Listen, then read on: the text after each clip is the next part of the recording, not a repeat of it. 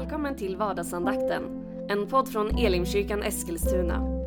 Vill du veta mer om vilka vi är, vad vi tror på och hur du kan komma i kontakt med oss? Gå då in på www.elimkyrkan.com. Nu lyssnar vi till dagens andakt. Välkommen till vardagsandakten. Jag heter Joel Backman, jag är pastor i Elimkyrkan i Eskilstuna. Och vi vill inbjuda dig till vår höstkonferens, Höstglöd, 27-29 oktober, bara ett par veckor bort. Vi har fantastiska talare som Rick Hayes från Skottland, Ulf Ekman, Gita Andersson, Claes Eriksson, Andreas Häger, Christian Liljengren kommer sjunga. Det kommer bli en helt fantastisk helg, så missa inte den. Vi håller på nu i vardagsandakten att läsa och tala om lite grann psalm 34. En fantastisk psalm som David har skrivit efter det att Gud har befriat honom ur en väldigt svår situation. Alla hans problem är fortfarande inte lösta, men han har i alla fall klarat sig ur detta. Han är på flykt när han skriver den här salmen från Saul. Och under flykten så snappas han upp av en annan kung och förs in dit. Och de tror att det är kung David, men de är inte riktigt säkra. Och han behöver ta sig ur den där situationen på något sätt. Och då får han till sig detta som av allt jag läser och förstår och bedömer att han får en tanke av Gud som säger spela lite galen David. Och han spelar galen, han börjar riva i väggarna, dörrposterna, han börjar låta sin saliv rinna, står det. Och då uppfattar man att det här kan inte vara kung David. Det här kan inte vara den här store kämpen, mästarkungen. Så de slänger ut honom och han mirakulöst tar sig ur denna svåra situation. Nu har vi kommit fram till vers 10. Och då säger David så här. Vörda Herren, ni hans heliga. För de som vördar honom saknar ingenting. Det här är ett starkt uttryck, inte minst frasen saknar ingenting. Vi kan ju titta på Davids liv och vi kan ju se att det är klart, som kung i Israel på den här tiden så saknade han ju såklart inte mycket grejer. Va? Kungen i en uppsatt position, han hade makt, han hade inflytande, han hade såklart mycket materiella saker också. Han hade väl det mesta. Men tänk nu när han skriver den här salmen så är läget ändå väldigt annorlunda. Han är på flykt. Så just nu är inte hans makt som kung värd så värst mycket. Just nu är inte hans pengar, hans materiella saker värda så värst mycket. Han är på flykt. Och då inser du och jag att det vi har i livet är inte alltid värt så mycket. Vi tänker att pengarna är vårt skydd. Vi tänker att vårt inflytande, vår makt, vår position är vårt skydd.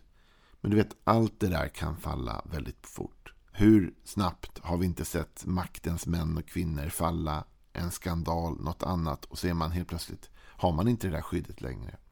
Hur ofta har vi inte sett människor som haft mycket pengar göra en dålig investering eller svåra tider kommer, någonting händer och så är helt plötsligt pengarna borta.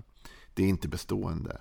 Men David säger här, det som är bestående, även när man är på flykt, även när man måste rymma, även när man inte har den vanliga tryggheten i livet, så är Gud bestående.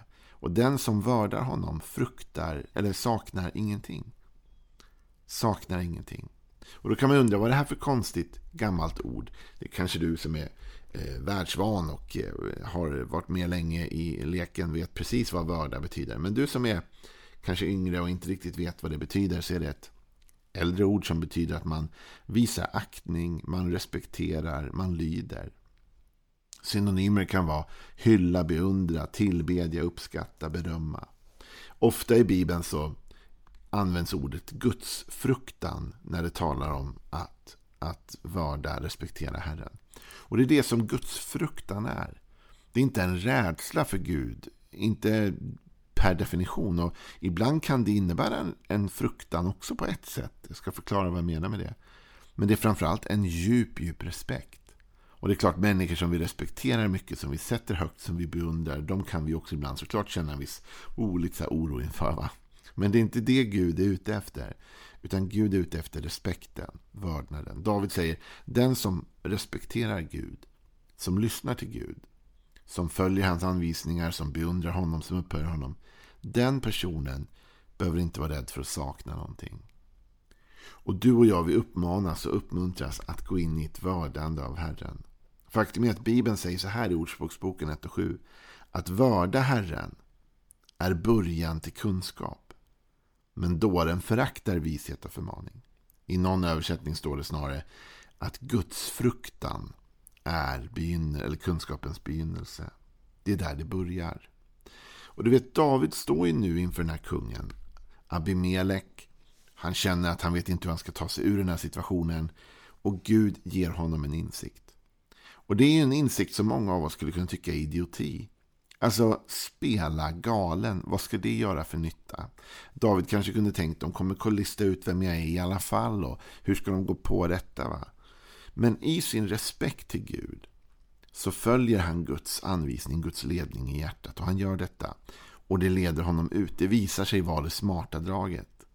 Och vet du, ibland när du och jag vill följa Gud så läser vi hans ord och vi kan tycka att en del av de sakerna känns märkliga. Men hans, men visheten han har är djupare än vår och när vi vördar honom, fruktar honom, respekterar honom då kommer vi märka att oh, men det är sant. Kunskapen börjar här.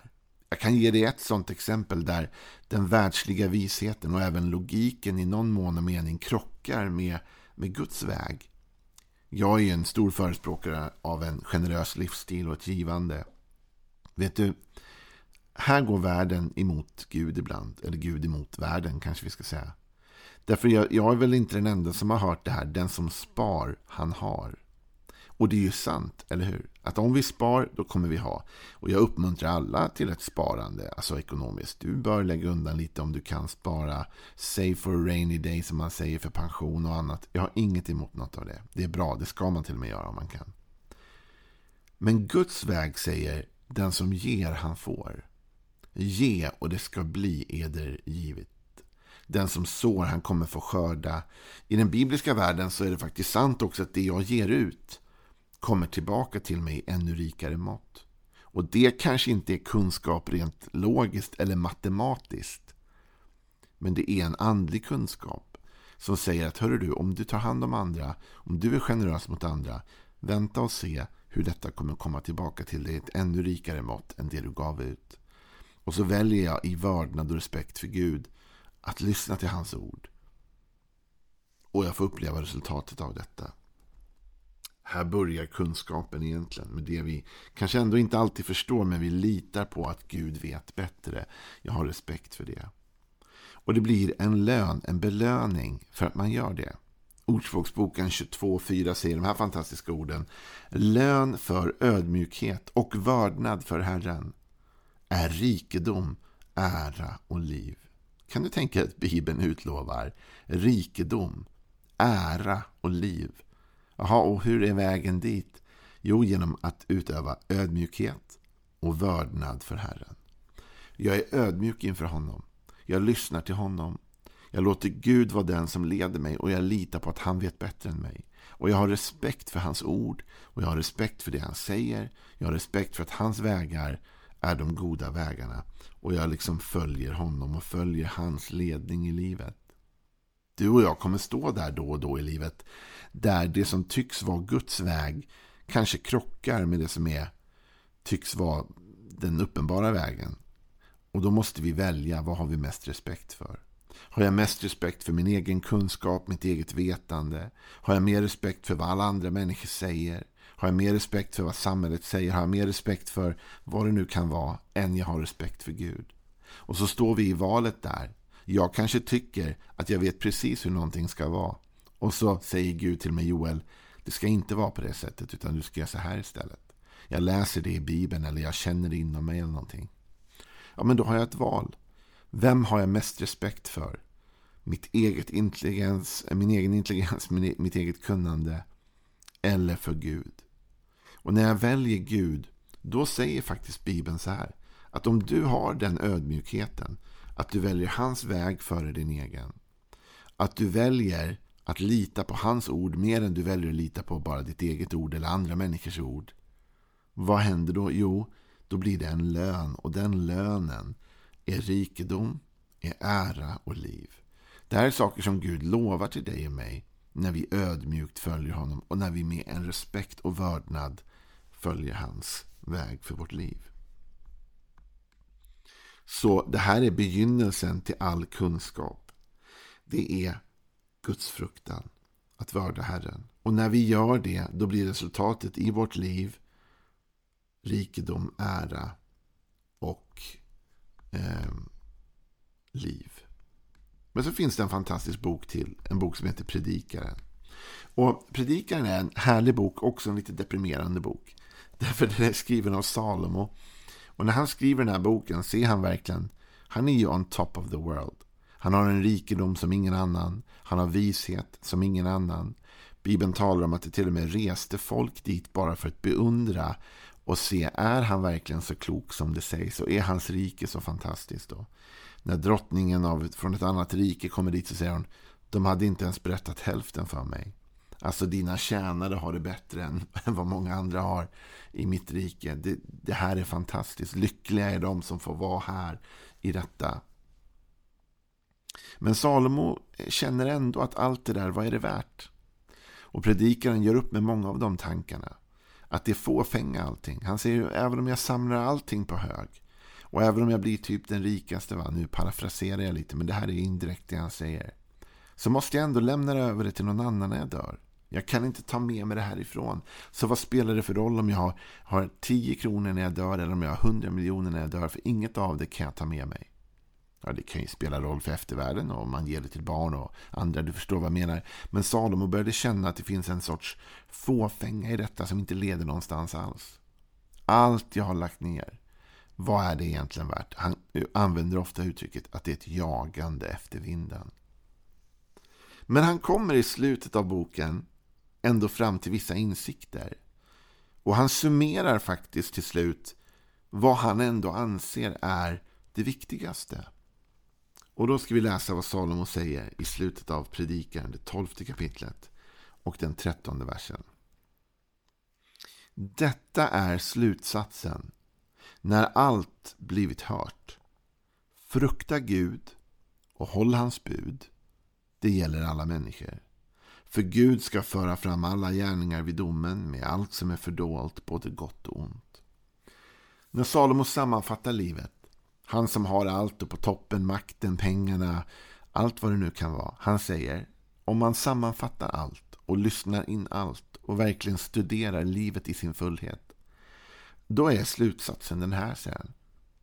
Att vi ska frukta Gud och hålla hans bud. Alltså vi ska respektera Gud, vörda Gud hålla hans bud för högt. Det gäller alla, säger han. Det är ingen hög som låg, rik som fattig, stark som svag. Vad du vill ha för olika kriterier. Det här gäller alla, säger Salomo. Alla, allas liv landar ändå i detta. Frukta Gud och håll hans bud. Och det är också Salomo som har skrivit Ordspråksboken som vi läste tal om tidigare när, när han talar om att den här gudsfruktan leder till rikedom, ära och liv. Och det var också han som sa att den här gudsfruktan är kunskapens själva begynnelse. Det börjar med den förståelsen. Ja, någonstans är det detta som David i psalm 34 har snappat upp, eller hur? När han var i en omöjlig situation, men Gud gav honom vishet hur han skulle ta sig igenom den. Visheten kunde verka idiotisk, men han följde ändå den. Han respekterade Gud mer än han respekterade sin egen vishet eller kunskap. Han väljer Guds väg och David säger, vörda Herren, ni hans heliga. Respektera, frukta, beundra, upphöj. För de som vördar honom, de saknar ingenting. Det är min uppmaning till dig idag. Låt Gud få den största platsen i ditt liv. Låt honom få den djupaste respekten. Välj i ödmjukhet hans väg framför din väg eller andras vägar. Så kommer du märka att lönen för denna fantastiska gudsfruktan är faktiskt rikedom, ära och liv. Och att i slutändan, när vi summerar våra liv, så är det här det viktigaste. Om vi har gjort det eller inte. Om vi levde vördnadsfullt för Herren eller om vi inte gjorde det.